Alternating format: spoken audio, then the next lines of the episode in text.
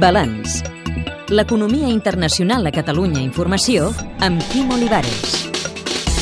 En època de recessió, Andorra, Liechtenstein, San Marino, Mònaco, Noruega, Islàndia, el Vaticà o Suïssa es miren amb més distanciament encara a la Unió Europea. El CIDOP ha analitzat aquesta setmana el paper dels anomenats microestats europeus.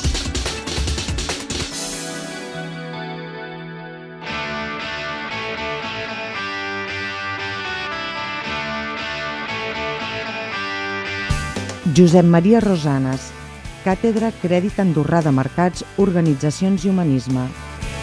Petits països europeus veuen com Europa té per endavant un difícil panorama econòmic que alguns ja qualifiquen de gran recessió.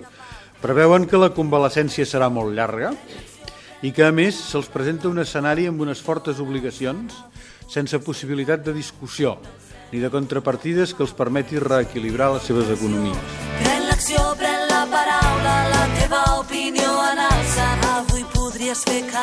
Però no tots els microestats són iguals. No és el mateix eh, Liechtenstein que Suïssa, Noruega o Islàndia.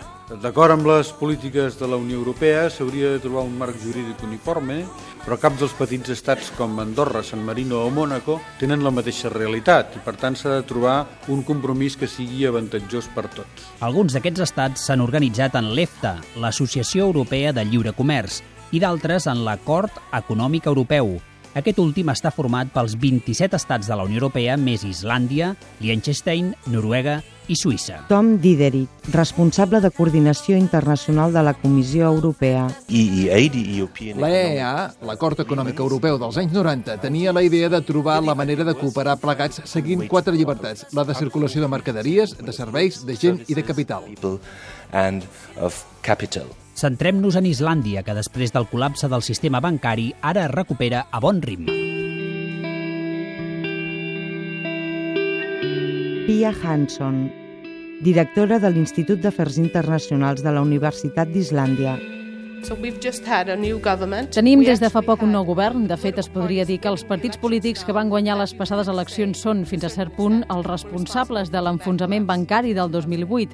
És, per tant, una situació estranya i penso que molts observadors estrangers estan molt indignats del que està passant ara mateix a Islàndia. Amb la crisi, la Unió Europea ha deixat de ser atractiva pels islandesos. Podem dir que potser hi ha un ascens del nacionalisme. També hi ha, per descomptat, tota una preocupació sobre la sobirania que encara es manté a Islàndia com a petit estat. Quan mirem cap a la Unió Europea seria una mica difícil de vendre tota la idea que això sigui una cosa econòmicament beneficiosa. Per aquesta professora, Brussel·les ha d'escoltar els estats més petits. El millor camí pels estats petits és mantenir-se ferms en un marc institucional multilateral en lloc d'intentar anar sols. I en l'actual atmosfera política, quan la Unió Europea afronta els moments més desafiadors, els líders europeus han de rebre un bon consell.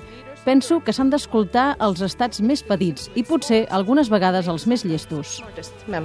Ara se'ls escoltarà perquè la Comissió Europea ha de negociar, abans que acabi l'any, amb Suïssa, Liechtenstein, Mònaco, Andorra i San Marino perquè aixequin el secret bancari per combatre l'evasió fiscal. Ho faran? S'admeten apostes.